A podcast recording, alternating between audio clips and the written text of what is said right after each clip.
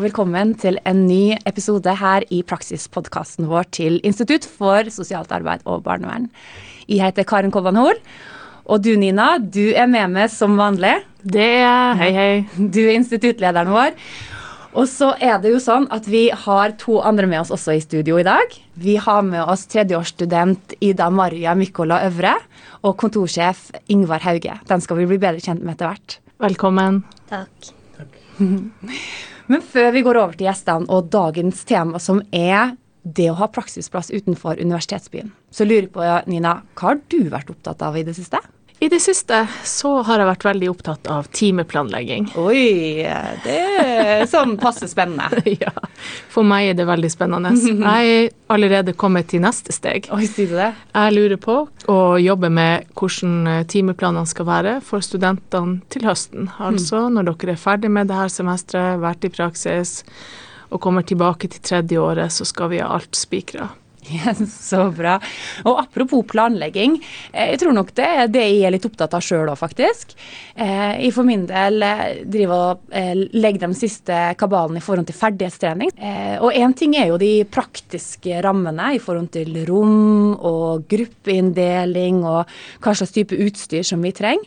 Men en annen ting som jeg blir mer og mer opptatt av, er det med hvordan skape et trygt klima, et trygt miljø der studenter våger å prøve seg på disse ferdighetene.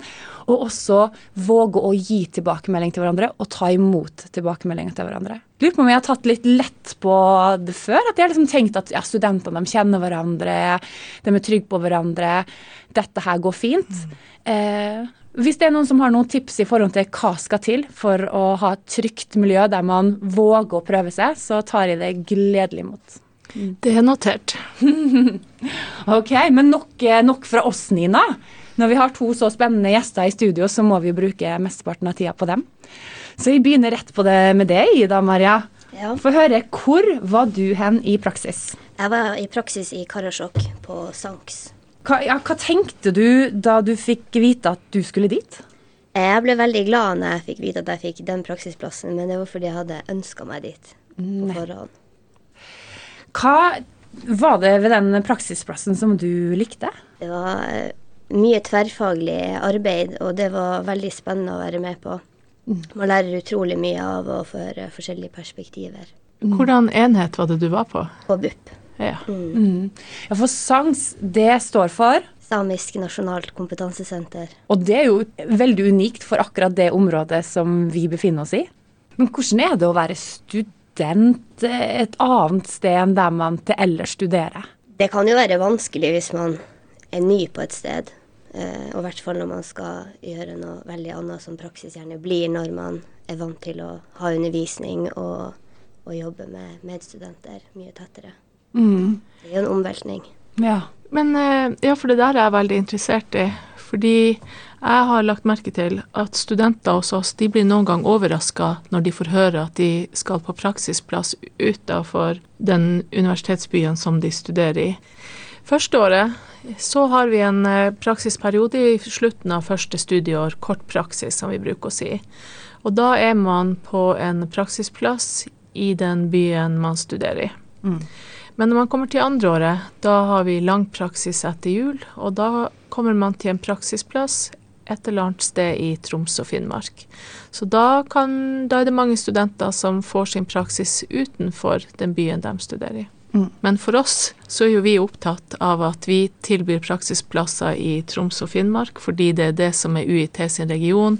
Våre samfunnsmandat er å utdanne studenter til denne regionen.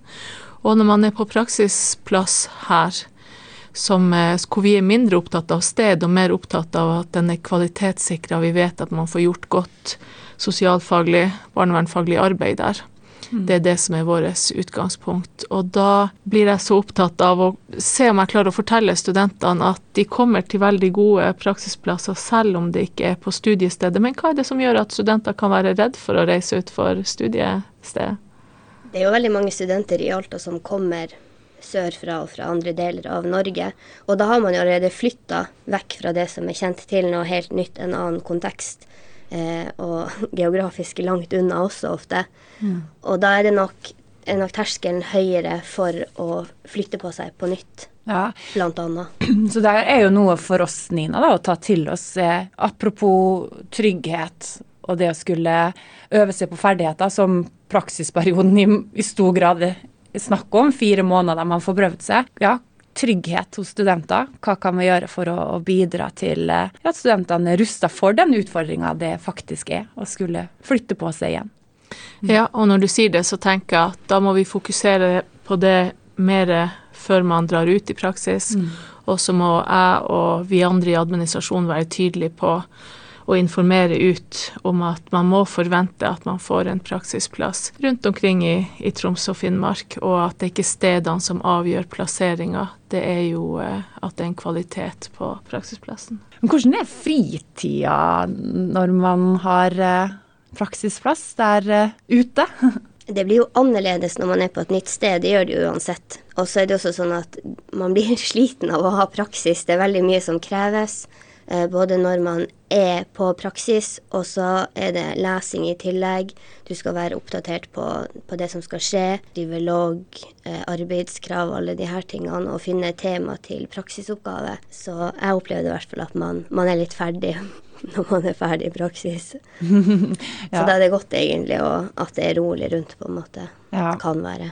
Å kunne krype inn i, i, på hybelen sin etter endt praksisdag er kanskje ikke det verste. Nei. Nei. Men apropos hybel. Ingvar Hauge, kontorsjefen vår. Ja, hvordan gjør man det praktisk i forhold til bosted og reiseutgifter?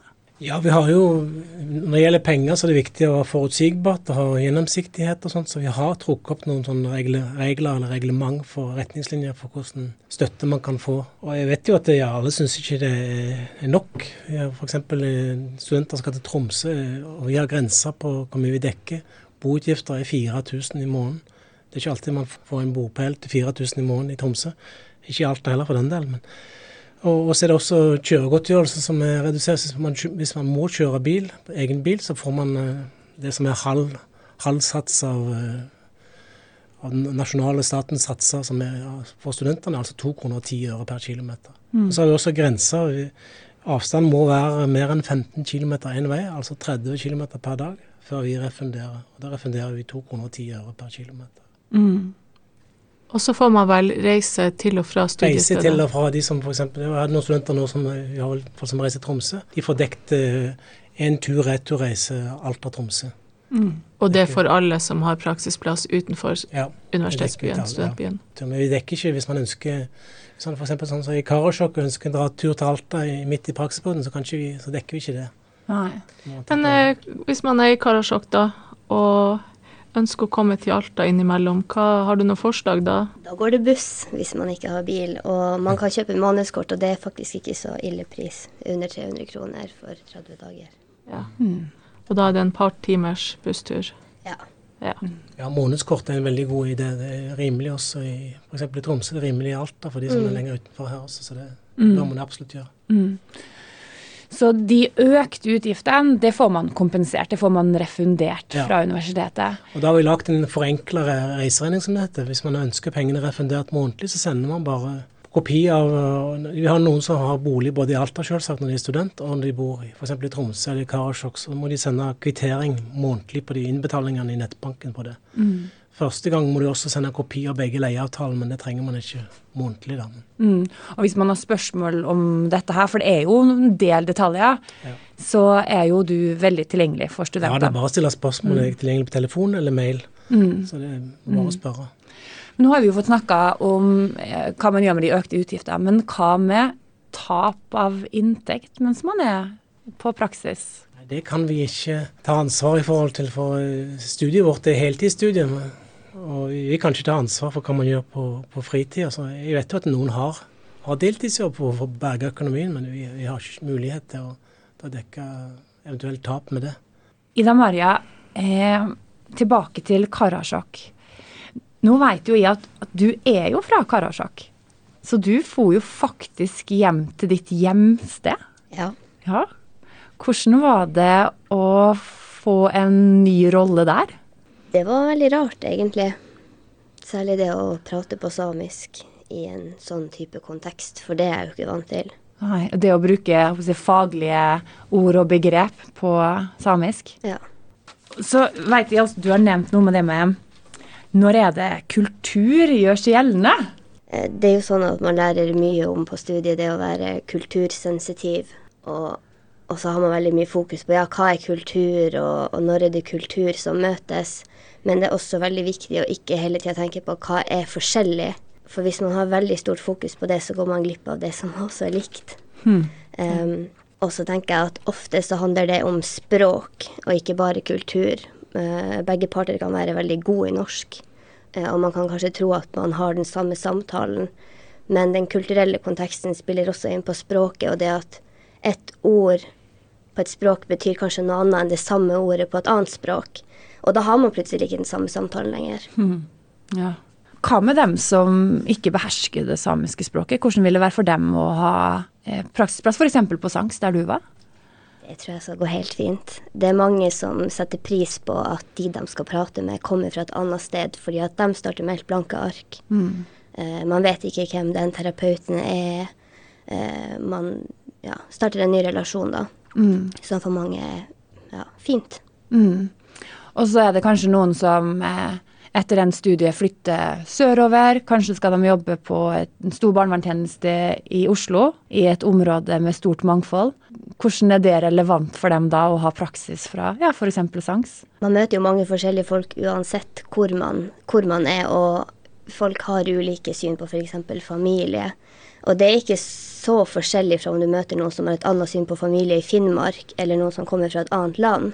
Eh, jeg tenker at Det er veldig viktig at man er åpen for å høre på de fortellingene da, og godtar det og anerkjenner det. Så når folk forteller deg at ja, min familie består av det man kanskje tradisjonelt ser på som storfamilie, så bruker man de begrepene de bruker. Nå er det kanskje noen lyttere som, eh, som er student, og så er de eh, sier fra et sted på Østlandet, og så tenker de men jeg også ønsker jo å ha praksisplassen min på hjemstedet mitt. Hva skal til for å få det? I utgangspunktet så er det sånn som jeg sa i sted, at vi tilbyr praksisplasser i Troms og Finnmark.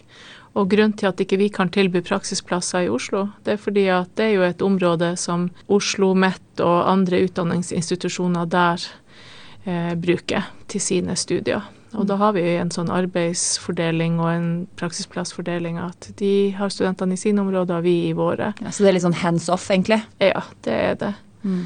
Men noen ganger så er det jo studenter som har spesielle vilkår i forhold til familie- og helsesituasjon. Ja, I forkant av praksisplasseringene så har vi lagt egne kartleggingsskjema der man, de som har spesielle behov, omsorgsoppgaver eller bakgrunn i helse eller andre forhold, så kan man søke.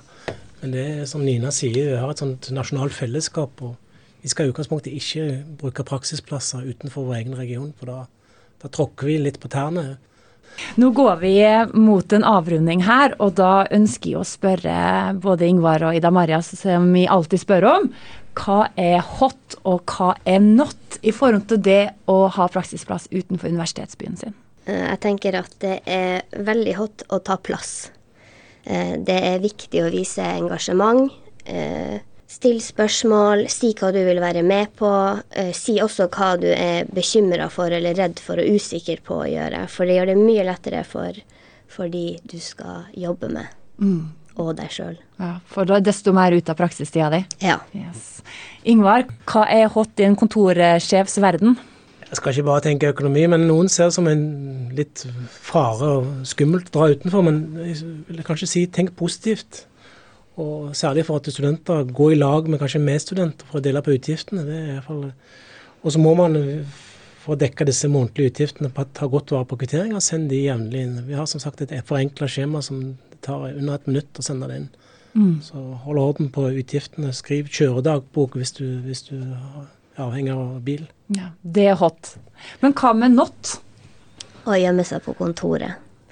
Det er veldig få fordeler med å sitte på kontoret og vente på at du skal få tilbud om å gjøre ting, for man må være litt på, selv om praksisplass også skal ta hensyn til deg og ta deg med på ting. Mm, Ingvar, hva er not? Ja, det, I økonomi så er det da å utsette alt til slutten. Da får man ikke penger før ute i juni. Det blir seint hvis man har betalt f.eks. 4000 ganger fire.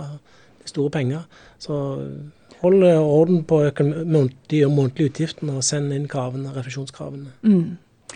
Tusen takk til Ida Maria og Ingvar for at dere var med oss i studio i dag. Ja, takk skal dere ha. Videre framover, Nina, hva skjer da? Ja, videre fremover så har jo vi tenkt på en del temaer som skal tas opp. Men i dag så vil vi komme med en ekstra oppfordring. Vi vil så gjerne at dere sender inn til oss forslag på problemstillinger dere ønsker at vi skal belyse, på eh, spørsmål som dere har, Eh, er det tema som eh, dere vil høre mer om? Så min oppfordring går til alle studenter og praksisveiledere der ute. Ta kontakt med Karen og gi henne en god idé, et godt innspill på hva noen av de neste episodene skal handle om. Mm.